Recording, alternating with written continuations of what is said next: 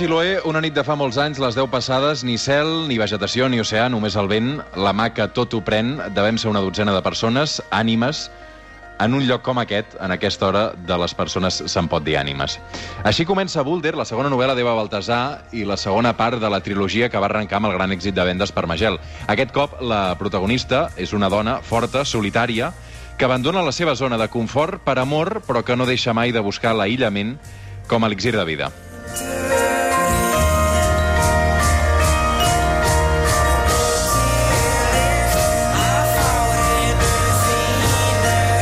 Eva Baltasar, què tal? Bon dia.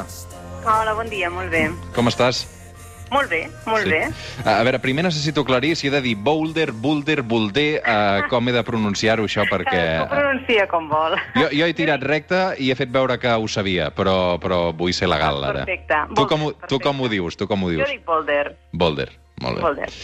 Um, què tal, com ho portes tot això, Eva? Molt bé, molt bé, molt bé. Uh... Jo soc una persona que ja... Bueno, ah, tot això què vol dir? tot això d'entrada és la situació i el confinament i, i l'estar tancat a casa. doncs molt bé. Sí, és una persona que de fet ja passava moltíssimes hores tancada a casa, per tant, bé, doncs ho porto molt bé. Simplement la diferència és que jo passava hores de soledat a casa Mhm. i ara passo hores en família, però bé, també també està bé. Uh, en família amb les criatures, uh, però entenc que tu uh, defenses aquella solitud volguda, no, Eva? Sí, sí, sí. Jo crec que una mica les meves protagonistes són un mirall de mi mateixa, no? I són aquestes dones que són, jo les veig com a grans solitàries, dones que, que senten que per estar bé i per estar en pau a, en el món han d'estar soles i van buscant aquests espais de, de soledat i de trobada també amb si mateixes. Mm. L'Eva fa molts anys que és escriptora, molts coneixen també la seva obra poètica, però des de l'èxit de Parmagel de fa uns quants anys eh, sembla que la gent et mira diferent i jutgen també els teus llibres d'una altra manera. Eh, és una responsabilitat que pesa més últimament, Eva? No, no, no, jo no em sento ni mirada ni jutjada, eh? mai m'hi he sentit. I jo simplement em dedico a fer el que, el que em fa sentir bé, el que em fa estar en pau, que és escriure. És cert que escric les novel·les que jo vull escriure, no pretenc complaure ni agradar a ningú. Si agrada, està molt bé, i si no agrada, doncs, doncs també estarà bé, no? Perquè al capdavall jo tinc la pau d'haver escrit allò que, que volia escriure, i després el resultat final, de com arribi, me'n desentenc totalment. Però és evident que agrada perquè has estat una de les més venudes d'aquest Sant Jordi atípic, eh? atípic, mm. però, però, però el resultat agrada perquè la gent et llegeix, no? Sí, sí, sí, sí, sí, i, i he anat a molts clubs de lectura, no?, i, i parlant amb els lectors me n'adono que sí, que, que, que em llegeixen i que em valoren, sobretot una feina que jo faig molt i que, i que m'agrada dedicar-hi moltes hores, que és a treballar el llenguatge d'una manera poètica, no?, que és, crec, tal com jo m'he format com a escriptora al llarg dels anys escrivint poesia, i, i bé, doncs, és clar, és, una, és un agraïment molt gran per tots els lectors. Mm -hmm.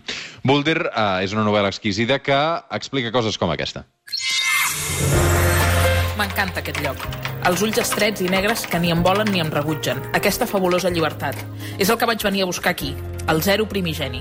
Cansada d'inventar currículums, d'haver de dir i fer com si la vida fos un relat, com si un filferro que dugués clavat a dins em fes dreta i constant. El rum mata el viatge. I si la vida ha de ser una història, només en pot ser una de dolenta. Què em pensava que feia, deixant-ho tot i acceptant una vida de tres mesos a l'extrem del món? Tu has fet mai això de deixar-ho tot i anar a l'altra punta del món? No, jo he fet lo de deixar-ho tot i anar-me uns quants quilòmetres més al nord, a l'altra punta del món, no. Tot i que el llibre comença amb un apunt autobiogràfic, eh? i és cert que aquesta, la primera escena sí que és, és viscuda, és un record fabulat, no? però sí que amb 20 anys em vaig trobar eh, un dia, una nit de temporal, agafant un, un, comprant un passatge per, a, per entrar en un vaixell mercant al mar de Chiloé, i, i bé, va ser una nit de, de malson, l'endemà va ser l'arribada a Puerto Montt sí que va ser molt bonica, amb el dia ja en calma, i, i bé, en el moment d'escriure la, la novel·la, el que vaig fer va ser posar la protagonista en un lloc on jo m'hagués agradat quedar-me, que era dins d'aquest vaixell, i, i a veure què passava, què passava a partir d'aquí. Uh -huh.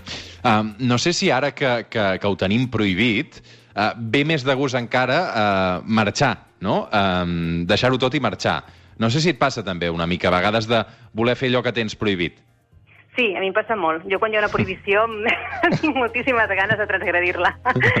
I, I també, sí, sí, sí, i, i ho he pensat molt aquests dies, eh? A vegades penso, ostres, que ho deixaria tot i m'aniria en una cova, m'aniria en un forat i que no em tornin a cridar per res. Home, tot no, els fills, els fills no els deixaries, o sí? No, me'ls me enduria, ah, poder.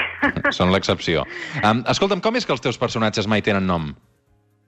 Perquè m'hi emmirallo, perquè crec que és una manera de sentir-los molt propers, no? Jo és cert que quan estic escrivint visc la vida d'aquesta protagonista. Um, agafo protagonistes que penso que jo hagués pogut ser ella i les faig fer coses i, i pensen coses que jo sento, opinen coses que jo opino, no? Però també els faig fer coses que per mi serien molt versemblants.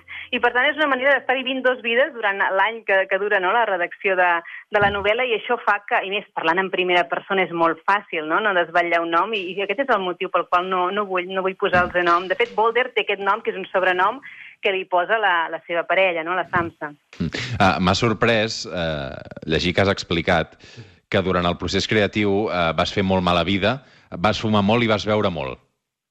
Sí, és cert. Eh, vaig arribar a identificar tant amb la protagonista que va ser un, una temporada d'estar de beure molta ginebra, de fumar, de fumar moltíssim i, i bé, de, de, també és cert que tan bon punt vaig acabar la novel·la, això ha anat, ha anat de baixa i ja gairebé ja estic, ja estic curada, diria, no? Però, però o sigui, l'objectiu era submergir-te del tot amb el personatge, entenc, eh? Sí, però no era un objectiu, va sorgir d'aquesta manera, no? I a vegades em veig com, sí, em penso, no? Com aquests actors que, que estan mm. interpretant un personatge i, i comencen a vestir, no?, i a menjar com aquest personatge, doncs una mica em passa el mateix, però no és que jo ho vulgui, és que m'hi porta la història.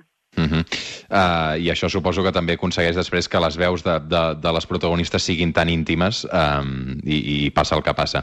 Uh, les veus dels personatges de Lea Baltasar uh, no tenen nom, però diuen coses com aquesta. Les samses deixen els cabells i m'escombra el front, les pestanyes, el coll. Em diu Boulder i riem no sé ben bé per què. Suposo que l'amor ens floreix al damunt com una branca gegantina que es vincla i toca els plecs sensibles, reticents.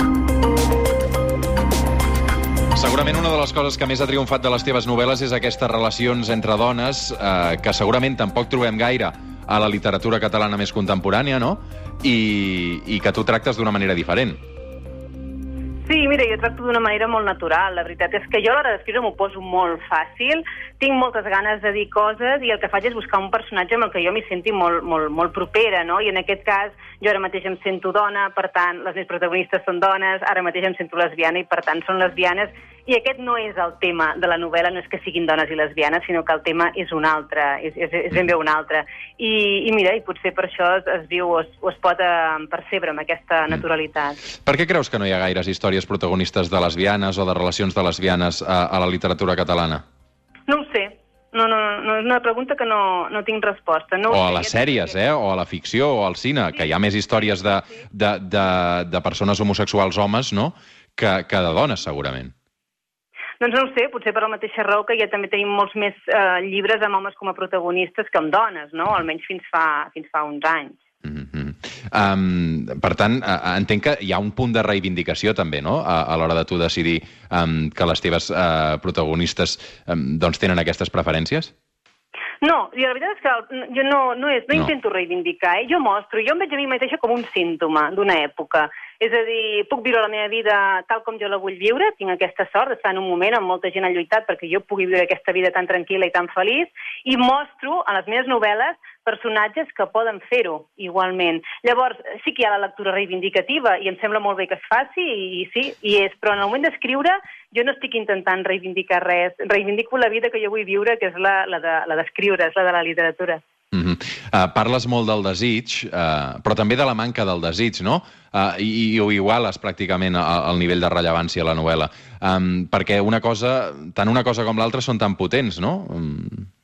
Sí, clar, a, a cas de Boulder el desig la porta a trair-se una mica a si mateixa, no?, en el moment en què s'enamora de la Samsa, ella ha de prendre una decisió i, i pren la decisió que li fa perdre coherència, que és la d'abandonar aquest espai de soledat i de llibertat, que és estar en el vaixell mercant, on ella estava tan en pau, i iniciar un projecte de, de vida a Islàndia amb la Samsa. El desig la porta a fer això, però la manca de desig també eh, mm, fa sorgir certa problemàtica en aquesta parella, sobretot quan arriba la, el nadó, no? la Tina. Has viatjat molt per escriure aquest llibre? Sí, a què? Perdona? Si has, has viatjat gaire per escriure aquest llibre? No, certament no. No, tenia el viatge a Xile, que ja el vaig fer fa, fa moltíssims anys. Islàndia no, no hi he anat. El que sí que faig és viatjar amb la imaginació. La imaginació és una cosa que, que, que m'he criat llegint, diríem, i això és una manera molt, molt important de, de viatjar i aquests viatges els he seguit fent a, tota la vida i segueixo. Ah, creus que encara està mal vist que una dona eh, vulgui estar sola per convicció? Mm, mira, no ho sé. Jo, jo no ho he sentit així. Jo he estat sola a la meva vida, eh, he estat sola amb criatures i, no, i sola sola, diríem, i no, mai m'he sentit jutjada ni mirada. Llavors, eh, entenc eh, que pugui haver casos en què, en què sí, en què, sí que, que sentin aquest judici i aquesta, aquest sentir-se mal, mal vistes, però jo puc dir que no he viscut mai, mai així. I he viscut en molts entorns, eh, entorns rurals, entorns urbans, no he viscut mai. Uh -huh. uh, una de les coses que sí que ha viscut la protagonista, i tu també, um, és la maternitat, no? Uh, la maternitat, um, com l'ha viscut la protagonista... No sé si l'has viscut d'una manera similar com la protagonista de Boulder. Sí, mira, està molt interessant escriure la novel·la perquè jo sí que he estat mare gestant en dues ocasions, no? I tenim aquí a la, a la novel·la apareixen dues maternitats com molt extremes. Hi ha la, la Samsa, que és aquesta dona molt coherent, que sap el que vol a la vida, ho reivindica i ho aconsegueix, ella vol tenir una criatura. I després tenim la... I més viu, viu l'embaràs, no?, amb, amb molta exuberància. I la Boulder, que és una dona que no té cap mena d'instint maternal, que no, que, no, que no vol ser mare, els nens no li proven, però que accepta ser mare per amor a, a la Samsa. I jo és cert que m'he vist a mi mateixa i he, he tingut dos embarassos molt, molt feliços i molt plens, no? vist, he estat molt Samsa, diríem, però és cert que estant embarassada he, he, he patit sobre meu, jo mateixa, eh, a la mirada de la Boulder, amb la que jo m'identifico potser més, no? I m'he pogut trobar un dia concret en una sessió de preparació al parc i sentir-me incomodíssima i preguntar-me a mi mateixa, caram, estàs aquí envoltada de dones embarassades tan felices i jo estic molt incòmoda, què estic fent en aquí? El més coherent seria agafar els meus traços i marxar, que és el que vaig fer, no? Mm -hmm. Però, i que això no em faci semblar que no estic encaixant amb una, aquesta mena d'ideal de la bona maternitat o la perfecta maternitat, que no crec que és una construcció social. En aquest sentit, crec que mm, una bona mare és la mare que viu, o un bon pare, eh? viu la seva maternitat o paternitat en coherència amb si mateix i ja està. De fet, eh, dius coses crues també sobre la maternitat. Eh? La maternitat és l'ataca que inhibeix la llibertat. La maternitat m'ha convertit en exiliada. He assumit la maternitat per amor a ella, no per la necessitat d'un fill, però l'he assumida i la reclamo. Sí, aquesta és la, és la Boulder en els seus moments més, més potents. Són coses que jo no, no, no, no defenso, no, no defensaria al 100%, però sí són coses que a vegades m'han vingut al cap i que, i que he reflexionat i que he volgut reflectir també en aquí en el llibre. Uh -huh. uh, per Magel i Boulder són les dues primeres parts d'una trilogia que culminarà, crec, amb Mamut, no? Uh -huh, sí. Uh, això ja ho tens en marxa? Sí, sí, sí, està en marxa i estic treballant. També és, ens trobem una altra dona, una altra gran solitària, i en aquest cas una dona que ella sí que, que, que vol, vol, vol ser mare. Diem que la maternitat és el fil una mica conductor de les, de la, de, del tríptic, i bé, és una novel·la on el, el paisatge també té molt de pes, i és una novel·la en un entorn més, més rural. Uh, quan sortirà això?